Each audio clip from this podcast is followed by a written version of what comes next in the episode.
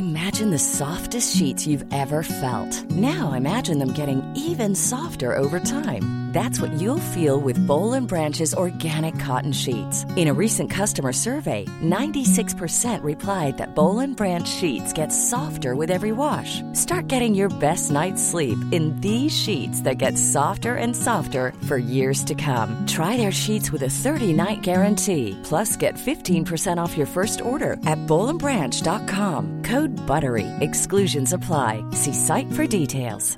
Quality sleep is essential. That's why the Sleep Number Smart Bed is designed for your ever evolving sleep needs. Need a bed that's firmer or softer on either side? Helps you sleep at a comfortable temperature? Sleep Number Smart Beds let you individualize your comfort so you sleep better together. JD Power ranks Sleep Number number 1 in customer satisfaction with mattresses purchased in-store. And now, save 50% on the Sleep Number limited edition Smart Bed for a limited time. For JD Power 2023 award information, visit jdpower.com/awards. Only at a Sleep Number store or sleepnumber.com. Hey, it's Ryan Reynolds and I'm here with Keith, co-star of my upcoming film If, only in theaters May 17th. Do you want to tell people the big news? All right, I'll do it. Sign up now and you'll get unlimited for $15 a month and six months of Paramount Plus Essential Plan on us. Mintmobile.com slash switch. Upfront payment of $45 equivalent to $15 per month. Unlimited over 40 gigabytes per month. Face lower speeds. Videos at 480p. Active Mint customers by 531.24 get six months of Paramount Plus Essential Plan. Auto renews after six months. Offer ends May 31st, 2024. Separate Paramount Plus registration required. Terms and conditions apply if rated PG. Everyone knows therapy is great for solving problems. But getting therapy has its own problems too. Like finding the right therapist, fitting into their schedule, and of course, the cost. Well, BetterHelp can solve those problems. It's totally online and built around your schedule. It's surprisingly affordable too. Connect with a credentialed therapist by phone, video, or online chat, all from the comfort of your home. Visit betterhelp.com to learn more and save 10% on your first month. That's BetterHelp H E L P. I'm amazed how many people own stocks. They, they would not be able to tell you why they own it. They couldn't say in a minute or less why they own it. Actually, you really press it down, they'd say the reason I own this is the sucker's going up. There's enough cash in the financial system, and there is an infinite amount of cash at the Federal Reserve. An infinite amount Put of cash. that check in a money market mutual fund. Then we'll reinvest the earnings into foreign currency accounts with compounding interest, and it's gone. So they had to do something. All they had left was just to print money and start buying things. And that's what they did. Quick buck artists come and go with every bull market, but the steady players make it through the bear market. They say money can't buy happiness. Look at the fucking smile on my face. Hej och välkommen till ett nytt avsnitt av Market Makers och dessutom markerar det här första avsnittet i Q2 2022. Det är inte illa Fabian. Det är inte illa och jag hoppas på ett lika bra Q2 som Q1. Det gör inte jag. Jag la ut min eh, sammanställning här för första kvartalet och eh, ja, det har inte sett bra ut. Eh, det är roligt faktiskt. Jag fick också, det är kul ändå så här, när man blottar att det inte har gått så bra ett, ett enskilt kvartal. Får man mycket konstiga kommentarer, att man ska börja med indexfonder och att man är en amatör och alla möjliga konstiga saker. Men kanske man ändå så här, nu låter det som att jag sitter och försöker försvara mig, men man får väl kanske zooma ut också. Det är ganska normalt i investering att man har drawdowns från period till period. Och, om man ska försöka tänka någonting, alltså aktier är lite mer av ett maraton och zoomar man ut så skulle jag i alla fall vilja påstå ändå att det hade inte lönats för mig i längd att äga indexfonder för att hittills i alla fall har man ju slagit dem ganska rätt med råge. Vi får se, det här kanske markerar slutet på det 2022. Det var liksom spiken i kistan. Jag tror ändå att det förhoppningsvis ska kunna leverera någonting framåt också. Och det är det här klassiska, det är ju så med aktier också att man måste tolerera viss drawdowns i perioder. Det är inte så konstigt, det är liksom en volatilitet är den, eh, det pris man betalar för långsiktig avkastning. Exakt, det är väl Munger som säger om du inte klarar av 50 i drawdown, då har du inget i aktier att göra. Och det är exakt så det är. Det är exakt så det är.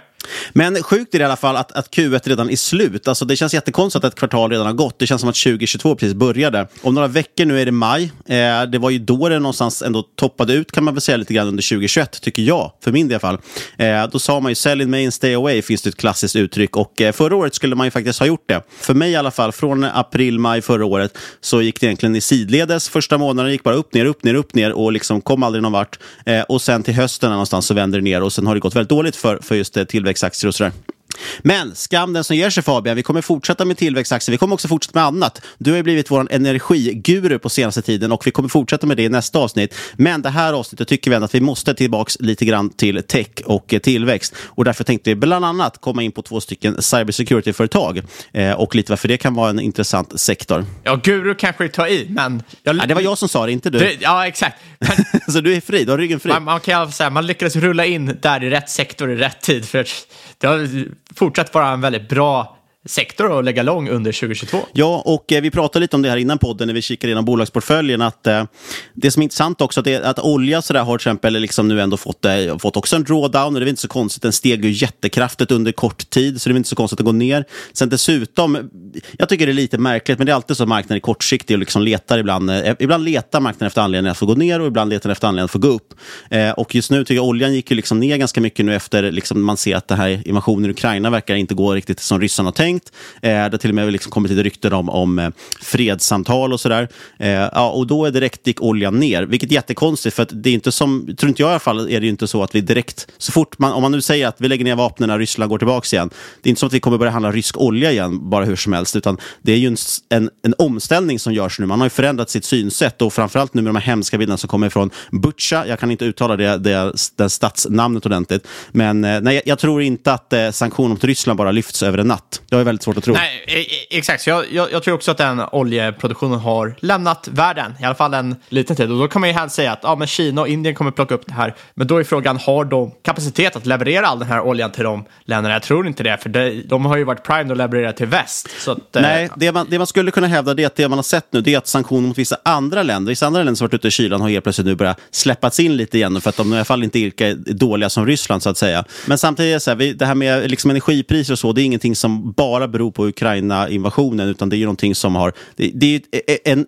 trend som har varit i effekt så att säga under lång tid, så det kommer knappast vända bara på grund av det här kriget. Det var bara att kriget har liksom accentuerat vissa saker. Precis som covid drev på liksom digitaliseringstrenden, eh, men digitaliseringstrenden fanns ju fortfarande bara. Det var ju bara att det gick väldigt mycket fortare nu när alla behövde liksom göra en omställning. Men vi kommer att prata lite mer om kriget senare och hur vi tror det förändrar världen och vad vi tror kan vara lite intressanta case framöver på grund av det. Men vi ska som vanligt påminna om att det inte är någon rådgivning rekommendation vi på den här podden. Vi berättar om process, hur vi tänker, måste alltid göra din egen analys och glöm aldrig att alla investeringar är förknippade med risk. Denna veckan vill vi presentera vår nya sponsor Lunar, den helt digitala banken som ger dig koll över din ekonomi. Ja, och det är bara att registrera sig och sätta igång. För Lunar kan du ha som ett komplement till din vanliga gammelbank. Du använder helt enkelt bara Lunars konto och kort ett kort som för övrigt är gratis att använda även utomlands. Och Lunar har dessutom en stor nyhet och det är att de nu lanserar kryptohandel i Lunar-appen. Och jag tror att de flesta av våra lyssnare har upplevt hur krångligt det kan vara att handla med kryptovalutor och därför tror vi att Lunars satsning på just krypto kan vara rätt intressant. Man samarbetar med tre av de största kryptobörserna, Coinbase, Kraken och Bitstamp, för att erbjuda de bästa priserna och låga avgifter. Så testa Lunar-appen redan idag. Det är enkelt att komma igång och kräver bara BankID för att registrera sig. Besök lunar.app och ladda ner Lunar-appen. Men kom ihåg att all handel med kryptovalutor innebär ett stort risktagande. Handel med kryptovalutor sker via Lunar Block som inte är reglerat av någon finansiell tillsynsmyndighet och det har därför inte samma skydd som det vanligtvis har vid handel med aktier eller andra reglerade tillgångar. Vi säger stort tack till Lunar. Ja, och då är det ju veckans tre snabba. Och du nämnde ju där i försnacket Niklas om den här digitaliseringstrenden under covid. Ja, vad var den där uttjatade frasen? Fem års digitalisering har skett på tolv månader eller något i den stilen. Exakt, och vi sa väl säkert det 300 miljoner gånger uh, under 2020. Men nu är det snarare så att man ser att den här digitaliseringstrenden, den har börjat backa lite och så ser man ju istället att folk uh, har någon typ av eh, livet är kort-trend de försöker leva på. För man ser ju nu att det är väldigt stor efterfrågan på flygbiljetter, hotell, hyrbilar, bränsle för att kunna åka någonstans. Folk, vilja, eh, folk verkar vilja ta igen efter några år med covid. Ja, jag såg TUI till exempel som är noterat på tyska börsen väl. Eh, de som äger fritidsresor bland annat. Då. De till exempel sa att deras sommarbokningar nu för sommaren 2022 uppgår faktiskt till 80 procent av nivån de hade under 2019. Eh, sista året innan corona då bröt ut. Så att man är nästan tillbaka liksom nu på pre-corona nivåer. Eh, jag såg dessutom också att de planerar att anställa över 1500 nya medarbetare på grund av just det här höga trycket på semesterbokningar. Ja, man måste ju ta igen nu. Man har inte gjort ett jäkla skit senaste två åren. Så nu är det bara boka, åka ut. Och har man inte redan bokat så blir det bara dyrare och dyrare och dyrare.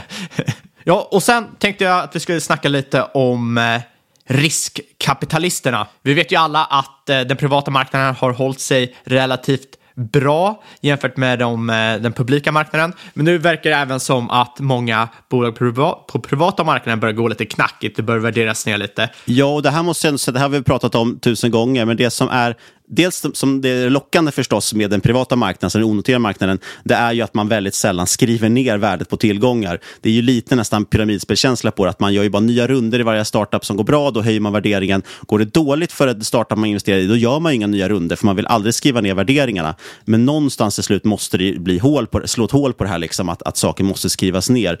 Eh, och jag tror att det som jag tror skulle bli startskottet för det här och som verkligen skulle liksom bli, eh, ja men vända det där egentligen på något sätt, det var ju faktiskt det här med WeWork, som verkligen verkligen varit en, en katastrofhistoria. Och, och, Softbank som investerade i det och även investerat i mycket annat som har sen, eh, gått ganska dåligt. Men när det ändå hållit i sig på något sätt. Men det är väl just den efterfrågan på stabila tillgångar med låg volatilitet liksom är så pass stor. Eh, och då liksom går ju folk lite på det här själva. De lurar sig själva lite grann att ah, men då köper vi onoterat för det kan ju aldrig gå ner. Exakt. Och sen tyvärr då så ser vi att när man dock tar det här till börsen som har hänt väldigt mycket under 2020-2021 var det väldigt många populära startups som kom på börsen ja, och sen då väldigt snabbt eh, kraschade totalt. Eh, liksom luften gick ur när man helt plötsligt lät marknaden bestämma priserna istället för eh, privata marknaden. Ja, och vi nämnde ju då förra veckan om den här eh, matleveransbolaget som fick eh, halvera sin värdering ungefär. Och nu ser man ju att lite ännu extremare exempel på nedvärderingen i startupen Fast som sig själva är backade av startupen Stripe som är en av de största fintech startupsen här i världen. Jag vet inte ens om det klassas som startup längre, men det är ett privat bolag i alla fall. Ja, Stripe är något man skulle vilja se på börsen faktiskt. Eh, Square är väl närmsta konkurrenten man kan investera i alla fall. Men i alla fall Fast som gör det som kallas för one click checkout. Det ska bli snabbare att kunna betala online, så man kan ju ifrågasätta hur stort värde det här har från början. Men de gick på en vecka från att försöka resa 100 miljoner dollar till att avskeda 50 procent av personalen dagen efter, till att dagen efter det försöka sälja bolaget till att igår slutligen stänga ned hela bolaget. Och det kan man ju säga att det gick snabbt. ja, det, det, det, är helt galet. På en vecka gå från att försöka resa 100 miljoner dollar till att helt stänga ner bolaget. Fram, framförallt när du är då backat av en av världens största privata bolag. Ja, och sen får vi ju mer och mer tråkiga siffror från Europa skulle jag säga. Dels ser vi att inflationssiffrorna har ju stigit genom taket nu. Spanien är väl uppe närmare 10 procent nu i inflation säger man. Eh, Tyskland ligger väl kring 7-8 procent. Italien mellan 6-7 procent och Frankrike runt 5 procent. Även i Sverige, vi ligger väl drygt 4 procent tror jag, eller något sånt där. Så att det börjar synas nu till och med de här eh, KPI-siffrorna. Innan har man pratat om att man tror att inflationen är betydligt högre än vad KPI rapporterar. Och det här skulle jag säga är, är ju liksom intressant av två anledningar. Dels som svensk i alla fall så är man ju väldigt nyfiken på hur det här ska på, påverka bostadsmarknaden skulle jag säga. Jag tror att vad Erik Hansén, jag, tror, jag har delat en graf om det här och vi lyfte nog den tidigare avsnitt att eh, i slutändan så korrelerar faktiskt bostadsmarknaden i Sverige väldigt mycket med hur räntemarknaden ser ut. Eh, hur bolåneräntorna ser ut. Och det är inte så konstigt, desto mer man får i bolån, desto, alltså desto mer man kan låna till sin bostad, desto mer går priserna upp. För folk är villiga oftast att betala väldigt mycket för sin bostad. Eh, och de har oftast inget problem att belåna sig maximalt heller. Eftersom det historiskt har varit ett bra beslut, eftersom fastigheten har liksom ökat eh, i värde hela tiden. Och det är väldigt intressant. Det har gått väldigt fort nu, ser man bolåneräntor. I alla fall list, listräntorna hos bankerna de som publicerar utåt, har ju stigit kraftigt tycker jag bara senaste månaden. Det går väldigt fort i de eh, förändringarna. Eh, och det här måste faktiskt på sikt börja få lite påverkan på huspriser. Jag tycker redan man ser att det blir inte alls samma budgivningar. Eh, vissa saker börjar sänkas i pris, det är inte alls samma intresse och så vidare. Så att, jätteintressant ska det bli att se. Dessutom för bolagen är det framförallt råvarupriserna som har slagit. Det är det som är inflation också, inte så konstigt kanske. Eh, och där är nog väldigt mycket vinstrevideringar på G.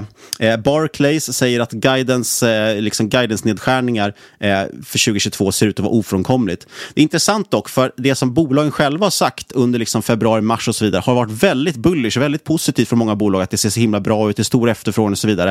Eh, men man tror ändå Barclays, och vi också tror väl det, att väldigt många bolag kommer tyvärr ändå behöva sänka sina guidningar framåt framåt. Eh, just på grund av de här höga råvarupriserna. För i slutändan så måste man liksom få ut dem och folk kommer inte liksom kunna betala helt enkelt hur mycket som helst. Ja, det, det säger, sig självt om eh, jag menar, priset på input går upp, ja då kommer output minska. Och just nu så, så här, klarar vi, vi klarar initialt när det börjar stiga priserna, så är det klart att folk klarar av det. Eh, men på sikt, då, till exempel när bo, bostadspriserna går upp på grund av högre räntor, eh, men man också ser att man får mindre och mindre kvar i plånboken när det höjs priser överallt, eh, så kommer man också kunna köpa andra saker mindre och mindre förstås också. Till exempel så var det intressant, det var ju mycket rubriker nu om eh, i Tyskland så var det ju en matvarukedja som pratade om att de skulle höja priser mellan 20 till 50 procent på många varor. Det där tolkar en del som att de skulle höja allt väldigt mycket, men, men det är ändå ganska många produkter, även fast det inte var alla förstås som kommer höjas. Kanske 10, 20, till och med ibland upp mot 30-40 procent. Eh, så det, det blir dyrare och dyrare helt enkelt att leva. Eh, och dessutom vinstrevideringar, då, om man får det att, att bolagen reviderar ner sina vinster, eh, så säger till exempel Credit Suisse plockar fram statistik som säger att över 70 procent av gångerna som vi har sett negativa vinstrevideringar, liksom, så har marknaden också på det fallit inom kommande kvartal. Och vi får se, här, tittar man på de här duktiga makrostrategerna och, och de som ritar streck i grafer och så vidare, så är det många tycker jag nu som tror att, här, att ja, men vi har en liten bullish period framför oss fram till sommaren kanske, men sen någon gång under slutet av året eller början på nästa år så, så lär vi få en ganska rejäl krasch. Jag vet inte hur mycket man ska vä väga in det när man håller på med stockpicking kanske. Men det är ändå en intressant datapunkt. Jag tycker alltid det är fett ovärt att sitta och spekulera om att det kommer ske en krasch eller inte. För det känns alltid som att man förlorar pengar på det. Det är mycket bättre att bara kika på vilka bolag kommer klara sig här, vilka är bra case just nu. Jag tror alltid, det finns alltid bolag som går upp, oavsett hur knackigt det ser ut. Det finns alltid någonting som ligger grönt och kommer växa eh, och du kommer kunna tjäna pengar på. Så att eh, typ sälja allting för att lägga i cash i väntan på en krasch tror jag även här är väldigt fel. Jag håller med. Time in the market beats timing in the market, som man så fint säger. Eh, det vi däremot har levt mycket efter är att vi har ju försökt kanske lite så här, byta typer av innehav beroende på vad det är för sentiment. Om man tror till exempel på höjda räntor och sänkt tillväxt, ja, men okej, vilka bolag kan vara intressanta i en sån period och så vidare. Men med det så ska vi hoppa in på dagens huvudinnehåll kanske. Den här veckan har vi en ny sponsor i finanskursen.se med Carl Mikael Syding, en gammal poddgäst faktiskt. Micke är idag förvaltare på hedgefonden Antilop och hans förra fond Futuris vann faktiskt pris som årtiondets hedgefond. I finanskursen.se lär han ut sina metoder för värdebaserad analys och investeringar och andra lärdomar från sina 30 år i branschen. Ja, och så här säger ju Micke själv om kursen. Om man undviker enkla misstag tar börsen hand om uppsidan. Jag skapade finanskursen.se för att förklara vad värde är och hur man ger sig själv en stor säkerhetsmarginal på börsen. Vill du sluta mest chansa på börsen och lära dig investera på riktigt istället är finanskursen för dig. Om du tycker det här låter intressant så anmäl dig på finanskursen.se och ange koden marketmakers i ett ord så får du 500 kronor i rabatt. Vi säger stort tack till finanskursen.se.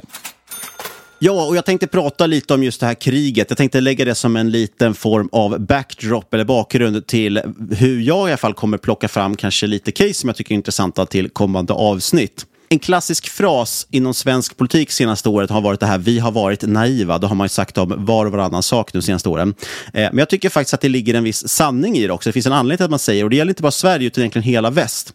Vi har ju liksom under lång tid nu trott att eh, Kina till exempel och Ryssland som har varit väldigt aktuella liksom, eh, parter här, men det finns förstås andra länder.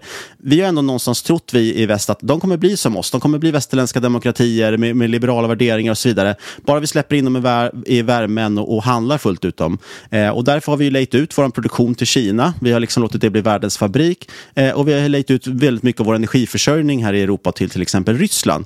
I gengäld då tyvärr så har det visat sig att Kina till exempel har spionerat väldigt mycket på oss och snott teknik och så vidare. Och nu senast då så har vi Ryssland som blir väldigt aktuellt i och med att de faktiskt har startat ett krig och invaderat Ukraina.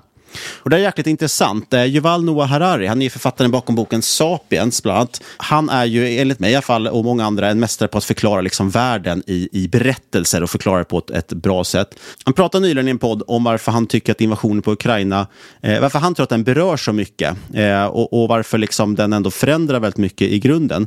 Och det är ju dels såklart att det är nära och så vidare, att det är inom EU, men framförallt tror jag också att det är att vi de senaste, tiden, liksom senaste årtiondena har ändå levt i tron om att freden vi har nu är någon form av permanent. Alltså den, den är permanent.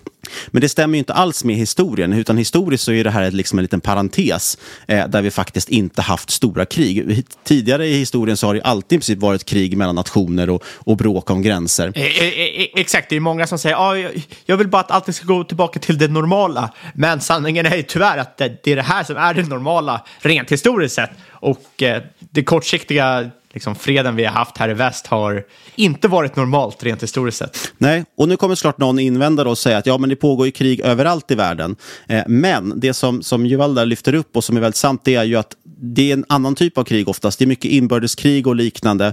Det som är ändå unikt nu med Ukraina är att det faktiskt handlar om ett land som invaderar ett annat land och vill flytta sina egna landsgränser. Det är en annan typ av krig.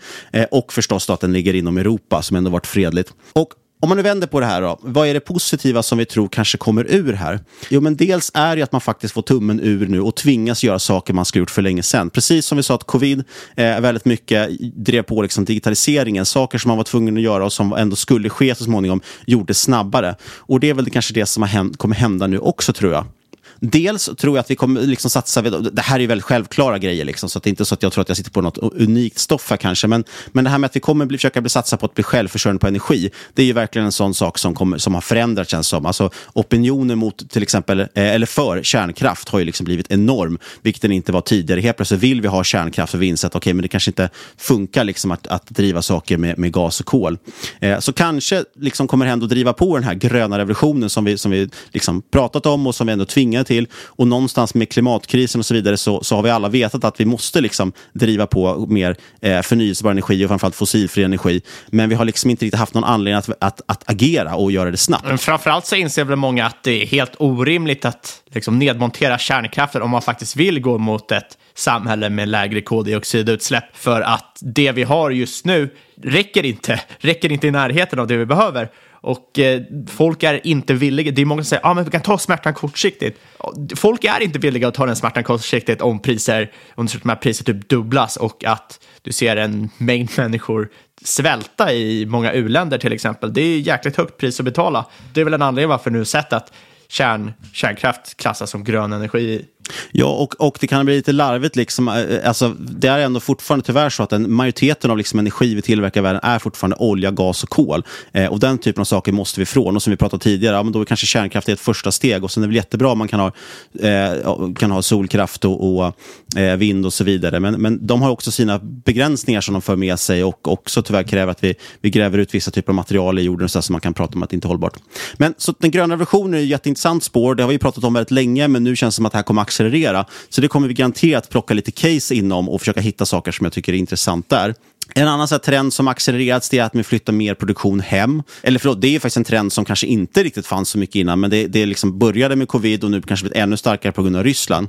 Eh, och det här är väl tyvärr dock inte så bra för priserna på saker och ting. Det kommer ju bli dyrare om vi produc börjar producera leksaker hemma med, istället för i Kina till exempel. Men det här är någonting som jag tror definitivt kommer ske och kommer behöva ske. Det som man kommer märka dock tror jag, det här är att när vi flyttar hem fabriker och tar produktion närmare, är att det är väldigt bra kanske för den interna befolkningen. Alltså väldigt många som har haft de här här typen av jobb i fabriker och så vidare i USA. Eh, jag menar, det, det är jättestora delar av USA som är helt utarmade och liksom lever på fattigdomsgränsen för att man har flyttat deras produktion till andra ställen.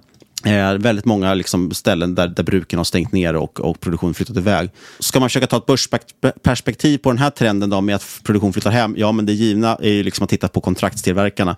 Eh, och det finns ett gäng sådana som, som är väldigt intressant som ligger på börsen. Och där kan jag rekommendera, om man inte vill, inv vill invänta om vi, att vi gör ett avsnitt om det så kan man lyssna på senaste kvalitetsaktiepodden som faktiskt hade en special om det där som jag tyckte var väldigt bra. Eh, där de lyfte ett par intressanta alternativ. Och sen förstås då det här med krig och att, eh, att fred liksom kanske inte är så permanent som vi tror. Eh, ja, det kommer förstås leda till, leda till ökade försvarsbudgetar. Tidigare i historien så har ju liksom försvaret och, och armén det har ju varit den största posten i budgeten. Alltså tittar man på ett gammalt eh, medeltida samhälle med en kung, ja, men vad la han mest pengar på? Jo, det var ju faktiskt sin armé och se till att dra in skatt och, och behålla liksom, säkerheten i riket så att säga. Så att ingen annan går och tar hans, eh, tar hans mark och hans position. Eh, men idag räknas räknas det snarare som ett särintresse i många delar av världen. Eh, vissa vill till och med lägga ner försvaret helt. Eh, snittet i världen det är att man lägger 6% av sitt BNP på försvaret. I EU har det här snittet istället legat runt 2-3 procent. Och här är en siffra som jag tror kommer öka markant framåt. Eh, det är ju något som, som Trump drev mycket också när han satt som president i USA, att han tyckte att om vi ska vara med i NATO och vi ska försvara alla de här länderna i Europa, då måste ni faktiskt lägga mer av ert BNP på försvaret, så att det inte bara vi som ska stå för försvaret. Eh, och det kommer ju absolut öka det här nu. Det känns som att det är en jättestor fråga. Ja, absolut, och det är som du sa, det är otroligt naivt att tänka att alla ska utgå liksom ha samma, samma, samma tankesätt som vi, vi har. Jag menar, vi har det ju bäst i världen. Liksom, eh, så, så, så, så, så att det kanske är lite konstigt att tro att andra länder ska ha samma tänk som vi har när vi sitter på här, som herrar på täppan. Mm. Och jag tror att det är två saker som är intressanta. Dels är ju liksom det, det, mest uppenbara, det är ju såklart att ja, men i och med att det blir ett krig och så vidare så kommer folk liksom öka på sitt försvar. Den, den är ganska given liksom för att man, man måste. Eh, men det som jag också tror driver på det här väldigt mycket, som, som är, är, lite mer intressant, det är väl just att man också har sett ändå hur fast framgångsrika Ukraina har varit mot Ryssland. För det tror jag väldigt många, i alla fall om man tittar på ett svenskt perspektiv, så har alla tyckt att liksom, okay, men rysken, rys, om ryssen tar Gotland, jag menar, det är ingen idé att vi ens försöker försvara det, för ryssarna kommer bara marschera in och så är det över. Det har ju varit mycket argumenter på varför ska vi ens ha ett försvar när vi är så små och, och så obetydliga och aldrig kommer kunna försvara oss. Eh, men nu har vi ju sett liksom, att Ukraina ändå kan försvara sig så pass bra mot Ryssland. Det tror jag också driver på lite moralen, eller man ska säga, bland trupperna. Att folk helt plötsligt tycker att men fastän det kanske är värt, ändå om vi är ett svinlitet land som Sverige, ja, men vi kanske ändå har en liten chans. Vi har ändå modern teknologi och så vidare. Och då såklart är ju Saab ett jätteintressant alternativ. Nu har den gått upp ganska mycket, den är väl upp 20-30 procent de senaste veckorna. Eh, och valdes ju in till exempel i Twitterfonden som vi, som vi har hand om. Så där hade ju Twitter rätt när de valde in Saab. Eh, och den har gått jättebra efter det. Eh, så intressant. Men sen tycker jag just Saab är ett svårt bolag. Det är ett knepigt bolag som slår mycket mellan kvartalen. Det handlar mycket om orderingång och så vidare. Man måste ha eh, väldigt insikt tycker jag i bolaget för att förstå det. Mycket också inarbetad ineffektivitet i bolaget. Tycker man kan kanske kolla lite på lite amerikanska bolag där också, Lockheed Martin och så vidare. Men ingenting som jag är på något sätt expert på. Ja, allmänt är det rätt intressant att se det här, den här rotationen på Twitter som skedde ungefär vid Rysslands invasion av Ukraina, där många skiftade över från lite mer högvärderad tech mot mer värdebaserade bolag. Jag säger inte att Saab är ett value case, men man ser många andra value case som får mer utrymme på Twitter än vad de kanske fick för ett år sedan. Ja, och ännu större skifte förstås eh, bland vad som är ESG och inte. Att det helt plötsligt förut var liksom försvars, eh, försvarsindustrin och så vidare var ju verkligen inte räknat som ESG och det var ju verkligen inte något rent och snyggt. Och nu helt plötsligt diskuterar man att, att Saab och, och försvarsindustrin ska räknas som ESG, vilket då driver in fondflöden också. Eh, där kan man verkligen snacka om en, en kappvändning. Den typen av försvar däremot som jag tycker att vi kan någonting om och som jag tänkte fokusera lite på i dagens avsnitt är ju cyberförsvar, cybersecurity. Eh, och då dels förstås på grund av att man just, krigsföring idag sker på massa olika fronter. Eh, krigsföring sker inte bara liksom på marken med trupper, den sker också just i cyberrymden som det så fint heter. Eller är det metaver metaversumet som, man pågår, som krigsföringen pågår idag? Är det den nya cyberrymden, metaversumet? Det tror jag absolut att det är vi, kan, yeah. vi kan bjuda in Zuckerberg och fråga, liksom, fråga honom vad han tycker. Ja, och krigsföring sker faktiskt också i den riktiga, den fysiska rymden. Eh, det är faktiskt så att både Kina och Ryssland utvecklar olika typer av satelliter och så som är gjorda för att förstöra andra satelliter. Eh, inte så konstigt kanske, jag menar, kan man slå ner ut vissa satelliter så kanske GPS-systemet går ner eller internet går ner eller liknande, vilket gör att eh, man då får en, ett övertag. Vi har också sett eh, att krigsföring sker eh, ekonomiskt. Det är det, det medlet som vi använt nu mot Ryssland vi i väst genom extrema ekonomiska sanktioner. Man kallar det för en finansiell atombomb, det som har slagit ner. Men just cyberrymden är också någonting som verkligen påverkas. Det var jätteintressant till exempel, den här, och det, det är kopplat till den fysiska rymden också, den här fiberledningen som kom fram från eh, Svalbard tror jag till, till Norge och fastlandet eh, hade ju kapats och man misstänker och tror nu, man hittade en, en rysk båt som man tror hade kapat de här fiberkablarna.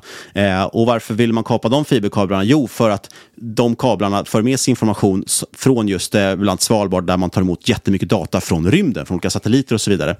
Eh, så det är också ett sätt man tror att, att Ryssland liksom, till exempel jobbar med att försöka kapa av dels då den kopplingen mot rymden, eh, men man kapar ju även och bygger ubåtar och så vidare för att kapa eh, fiberledningar längs andra hav för att försöka försvaga internetuppkopplingen och så vidare. Så det är jätteviktigt idag. Men sen är det inte så att det här är någon isolerad grej, att det är bara nu på grund av kriget som cyberförsvaret ökar, utan cybersecurity har ju varit en jättehet trend i många år. Eh, den drivs också, om man tittar kortsiktigt, av just eh, arbete hemifrån.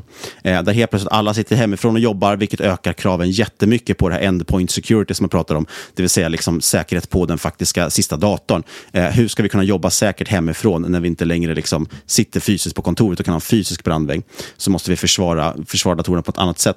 Men sen är det också en trend allmänt som ökat och det beror dels på just att eh, eh, de som attackerar oss också har blivit så otroligt mycket mer professionella. Bilden man hade liksom från när man var från för 20 år sedan, det var ju att en hacker, det är liksom någon finnig tonåring som sitter hemma och försöker knäcka NASAs hemsida och lägga upp en rolig bild. Typ. Men idag funkar det inte så. Idag är det en hel stor industri som är väldigt, väldigt lönsam och eh, faktiskt tyvärr då i många utvecklingsländer där det kanske inte finns samma möjligheter att, att hitta ett legitimt företag så att säga att, att eh, frodas på, så lär man sig programmering och så så vidare och hamnar kanske på ett bolag som just jobbar med olika typer av attacker för att tjäna pengar. Så det har ju liksom blivit väldigt professionellt och, och drivs i princip av företag idag.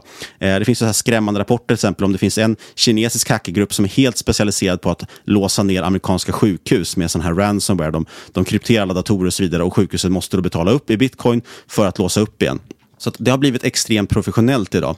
Eh, och det är rätt intressant, jag läste en rapport av från Forrester, researchinstitutet Forrester, som pratar just om det också, att vi tror verkligen att det här kommer drivas på nu för att, eller det som kriget kanske har gjort och även covid, är ju att under årtionden har man försökt undvika cybersecurity-frågan från företag, men helt plötsligt har den hamnat högst upp på agendan. Och det är återigen det här vi pratar om, att trenden fanns där, att man måste satsa mer på det och det blir allt viktigare. Men man har kanske försökt sticka huvudet i sanden lite, för det kostar mycket pengar och man kanske inte helt förstår frågan. Men helt plötsligt kommer det vissa externa faktorer som gör att man måste ta tag i det nu. Och därför har också just frågan om, om cybersecurity klättrat upp till liksom toppen på bland viktiga frågor på företag.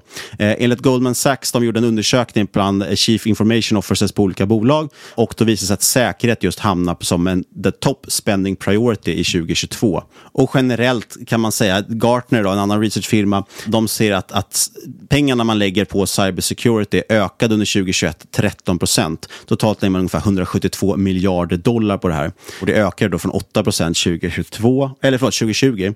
Och både 2022 och 2023 tror jag att man det här kommer öka 11 procent. Så det är en industri som växer tvåsiffrigt. Ja, och som du säger, det är inte närheten på att stanna av för att vi har fortfarande så mycket teknik där ute som inte har något sätt att skydda sig. Du, du måste skydda dig och det blir allt viktigare att skydda, skydda sig. Ja, och som sagt, just de här externa faktorerna har gjort att det liksom drivits på och blivit en viktigare fråga än vad man har tänkt tidigare, eller man har försökt ducka lite tidigare.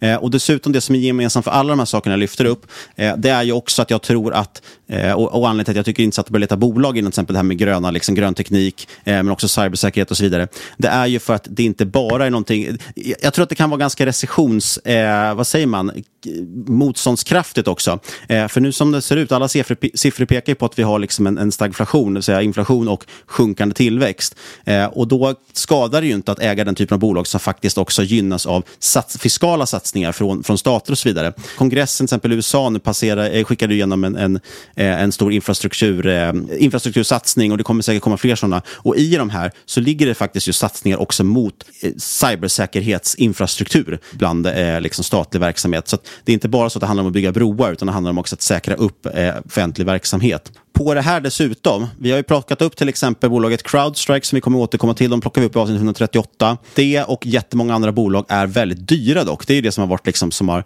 gjort att vi inte ägt någonting egentligen i den här sektorn, fast vi tyckte den var jätteintressant i flera år. Det har varit enormt höga PS-tal. Jag tror att eh, Crowdstrike, trots att den har gått ner mycket, fortfarande handlas till PS 35. Eh, och det får man väl säga är ganska dyrt och många av de här bolagen har dessutom inte varit lönsamma på grund av att de satsar mycket på, på research och development. Ändå intressant att bolaget är upp en sådär 7% i år, trots den eh, extrema nedgången i annan tech.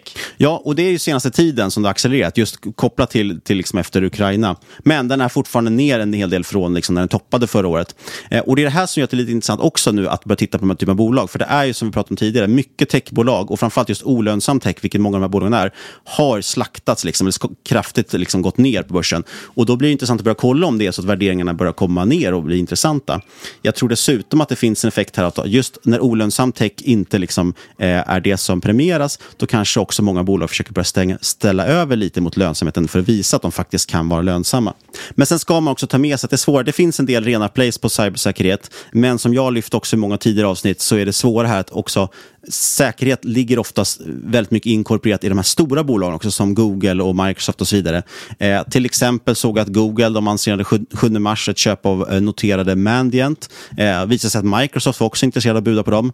Microsoft för övrigt lyfter fram att deras cybersäkerhetsintäkter uppgår till 10 miljarder dollar årligen. Så det är liksom inte så att det är en liten... Eh, det är en ganska stor grej. De, de tjänar väldigt mycket pengar på cybersäkerhet. Och det är inte så konstigt. Väldigt mycket av... Många bolag idag ser att man vill ha liksom ett helhetstänk kring cybersäkerhet. Det är inte bara ett antivirusprogram man köper in ofta idag, utan det är liksom ett helhetstänk. Att okay, vi köper en molnplattform för att lagra dokument på, då måste det finnas massa säkerhetsfunktioner inbyggda i den molnplattformen. Så det är lite svårt där tycker jag också, att eh, väldigt mycket är liksom integrerat idag. Och det gör att man måste köpa bolag som typ Microsoft som egentligen säljer Office-paketet och så vidare eh, för att få försöka få någon form av säkerhetsbit också. Ja, exakt. Jag menar, om du ska sitta på Microsofts infrastruktur, då kan du ju lika gärna ta deras säkerhetstjänster också. Det blir mer och mer specifikt om du ska gå ut till de här enskilda spelarna. Och, och att den som sagt är integrerad i det andra, vilket gör att den blir större. Eh, Microsoft lyfte för övrigt som sagt 10 miljarder dollar lyfter de in årligen ungefär på cybersäkerhet och de hävdar att den, eh, den, de intäkterna växte eh, 40 procent förra året. Så att cybersäkerhet är en stor satsning hos dem.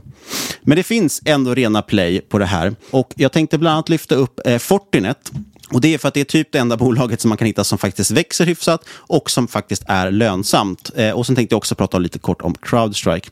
Och Fortinet och, och, generellt alla de här bolagen, som du sa, Crowdstrike är faktiskt plus i år. Eh, och Man kan tro att de har gått starkt sedan kriget, men det har faktiskt varit ganska ändå svängig resa. Och det är inte så att, det är liksom att den har dragit 200 procent eh, sedan invasionen och att det nu liksom är helt utspelat. Utan det, kan fortfarande, eh, det är fortfarande många bolag som, som ligger betydligt lägre än all time high. Eh, och Fortinet då, de är baserade i Kalifornien. Vi kommer inte kunna gå jättedjupt i, i exakta verksamheten, men de kommer från det hållet att de säljer också fysiska brandväggar, de säljer mycket antivirus, men de har förstås också mycket molnbaserat. Det är så man måste ha det idag också.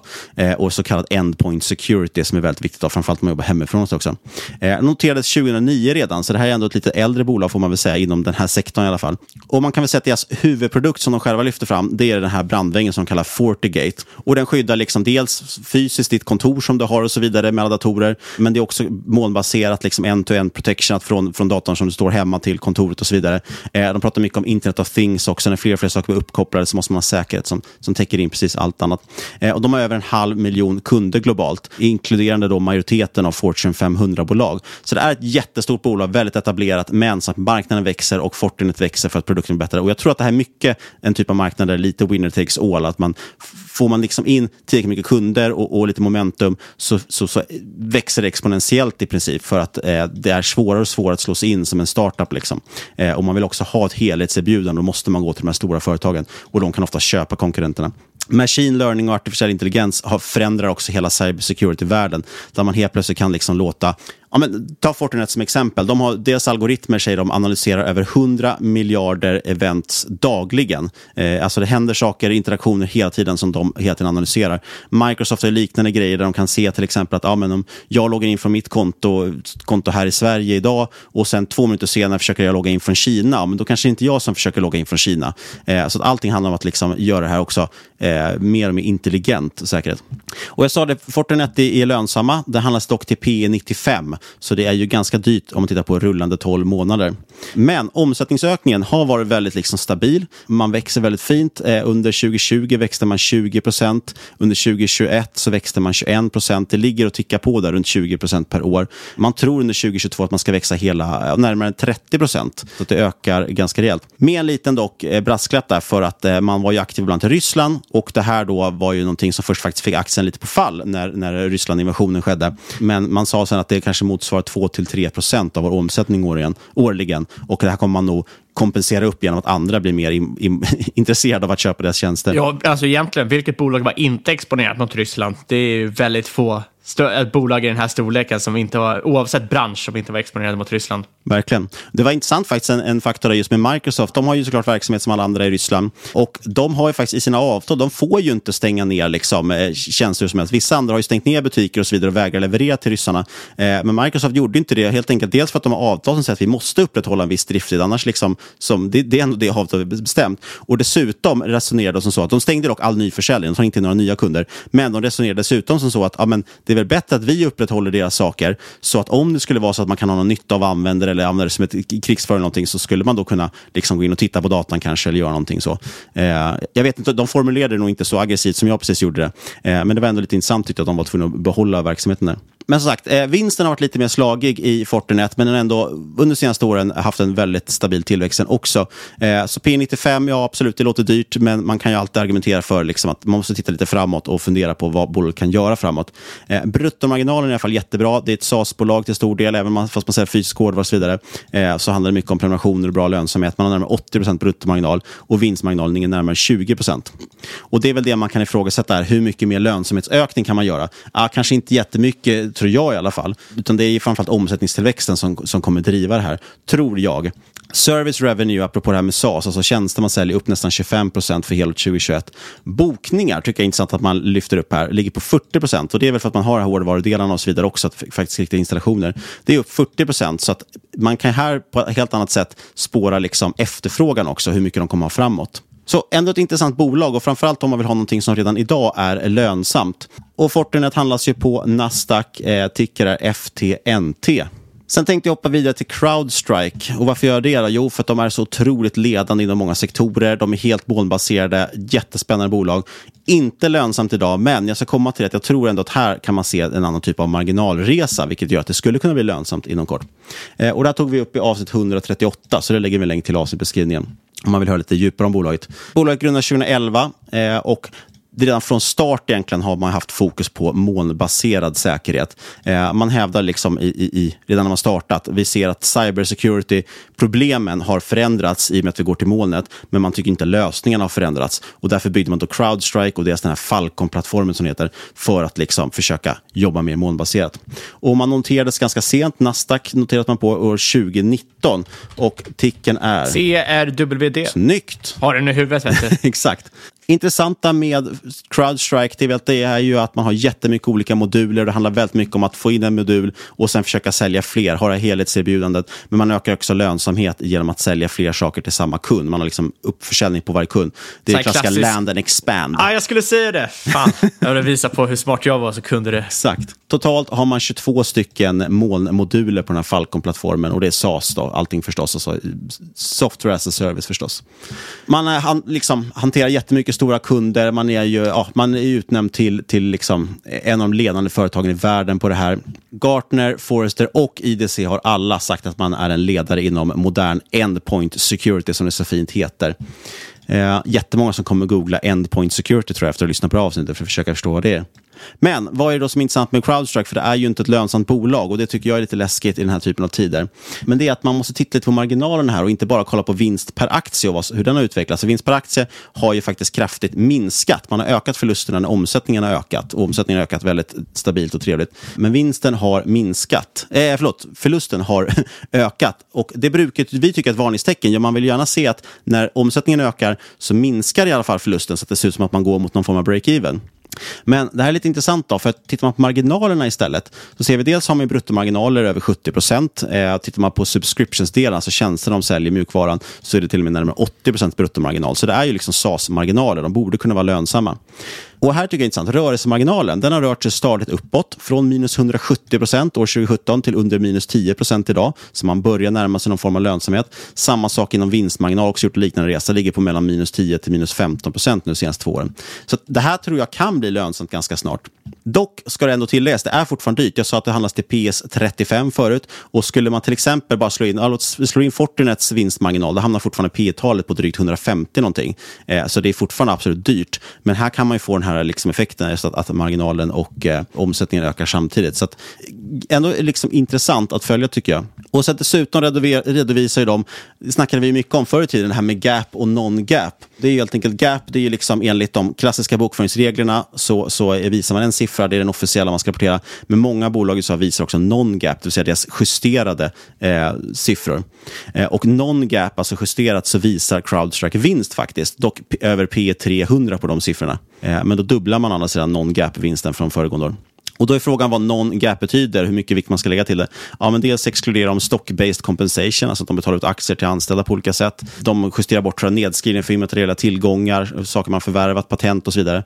Eh, amorteringar tror jag, även vinster och förluster på, på olika strategiska investeringar. Så att, jag vet inte, vad, vad, tycker du Fabian? Hur mycket liksom, vikt ska man lägga vid non-gap-siffror? Eh, någonstans är det ju så att de, det är sällan de justerar så att det blir bättre. Eller sämre, förlåt. Nej, och det, det är väl alltid som är justerade siffror. Det är sällan man ser att de, det ser sämre ut med justerade siffror än de riktiga siffrorna. Så att, eh, jag tycker alltid man ska ta sånt där med en nypa salt. Det, det, kan vara intressant för vissa bolag att kika på det där. Allmänt behöver man kanske inte bry sig jättemycket om det. Nej, det som däremot var intressant det var att man nu senaste kvartalet gjorde rekord i fritt kassaflöde och man har faktiskt positivt kassaflöde. Men sen är grejen då att man gör massa saker som gör att, att vinsten inte blir positiv. Så att, men man genererar ändå stora mängder kassaflöde, så det är ändå riktiga pengar som kommer in i bolaget. Man rapporterade 9 mars. Eh, annual recurring revenue, alltså den årliga eh, återkommande intäkterna, växte 65 procent eh, från föregående år. Så att man växte ju väldigt väldigt kraftigt i det här bolaget generellt. Och generellt ska jag säga, alltså, köper man ett olönsamt bolag, då bygger hela tesen, allting bygger på att man har förtroende för att bolaget kan leverera någonting för de här pengarna de bränner. För de får ju in jättemycket i fritt kassaflöde, men sen bränner de massa pengar på saker. Eh, på att, att expandera till exempel, säger man, eh, geografiskt, men man expanderar också med nya produkter och att göra produkterna bättre. Och då handlar det om att kan de investera med pengarna bättre än vad man själv skulle kunna göra, är väl tanken. Eh, och jag tycker att CrowdStrike har levererat exemplariskt genom åren. Det är ingen liksom, anledning att tvivla på bolaget. Men jag gillar ändå, jag skulle liksom, mest av symboliskt värde kanske vilja se ändå lite lönsamhet i det. Ja, jag tycker också man ska tänka sig att, eller man ska tänka på när räntan går upp, eller det är risk för att räntan ska gå upp, då minskar premiet man får på de här long duration-tillgångarna. Alltså att man det är tillgångar alltså där man pushar kassaflödet in, så långt in i framtiden som möjligt för att kunna växa nu. När räntan går upp så vill färre aktieägare äga sånt och då, går ju liksom, då kommer man inte se de här extrema rallysen som man såg kanske 2020 och tidigare. Utan man, man premierar snarare att man får kassaflödet nu. Ja, precis. Och det är därför jag tycker det är lite intressant med just, med just eh, Crowdstrike. För dels levererar de ju fritt kassaflöde, så man kan ändå göra, göra DCF som ser okej ut på det. Och framförallt så drivs ändå lönsamheten uppåt. Det är det jag tycker är väldigt intressant och kommer följa framåt i det här bolaget. Och det är just mycket det här land and expand som vi pratar om. Man vill att kunderna ska köpa fler moduler liksom, när man väl har kommit in. Idag har ju nästan 70 procent av kunderna fyra eller fler moduler. 60 procent har fem eller fler och drygt en tredjedel har sex eller fler moduler. Och det är otroligt viktigt sådana här bolag, desto mer produkter du integrerar i företaget, desto mindre kommer churnen vara.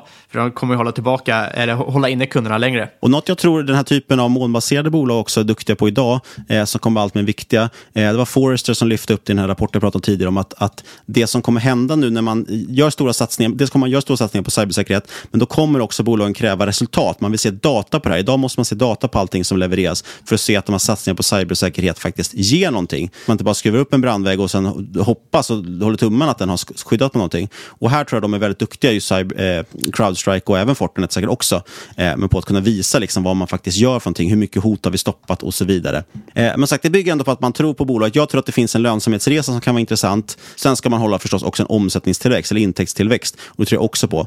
Eh, jag såg bland annat att eh, just 2021 under den här Fortune Future 50-listan finns det. Vi pratar ofta om Fortune 500, det är liksom de största bolagen i världen kan man säga. Eh, Fortune Future, det är en lista som listar eh, de bolagen som man tror, eh, noterade bolag ska tilläggas, sen kan vara intressant att titta på, som man tror är bäst positionerade för långsiktig tillväxt.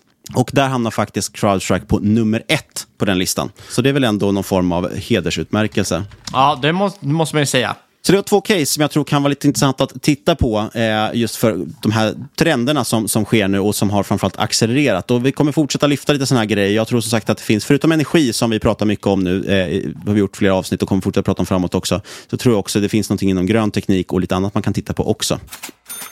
Och med det sagt så kanske vi ska nämna, eh, för transparensens skull, om vi äger något av de här bolagen vi pratat om idag. Jag äger faktiskt inte Crowdstrike eller Fortinet, men däremot håller jag bevakning. Framförallt på Crowdstrike tycker jag är intressant att kolla, just för den här lönsamhetsresan. Nej, om det inte är svart och kommer ur marken, då äger inte Fabian det i portföljen, som man brukar säga. Gammalt djungelordspråk.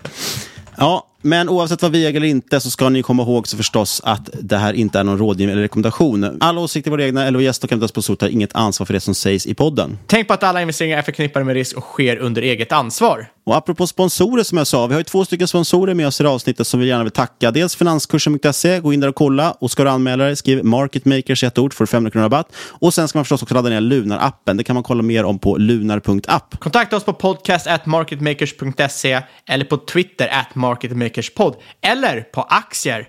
Och där hittar ni oss under användarnamnet Marketmakerspod. Och sist men absolut inte minst, stort tack kära lyssnare för att du har lyssnat. Vi hörs igen om en vecka.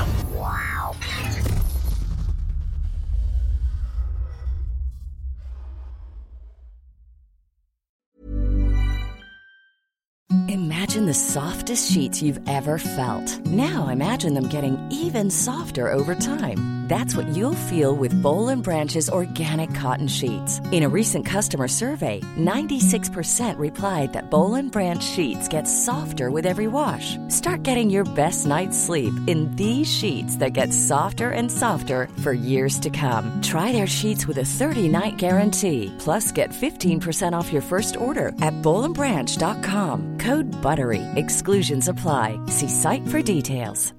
Mom deserves the best, and there's no better place to shop for Mother's Day than Whole Foods Market. They're your destination for unbeatable savings, from premium gifts to show-stopping flowers and irresistible desserts. Start by saving 33% with Prime on all body care and candles. Then get a 15-stem bunch of tulips for just $9.99 each with Prime. Round out Mom's menu with festive rosé, irresistible berry chantilly cake, and more special treats. Come celebrate Mother's Day at Whole Foods Market.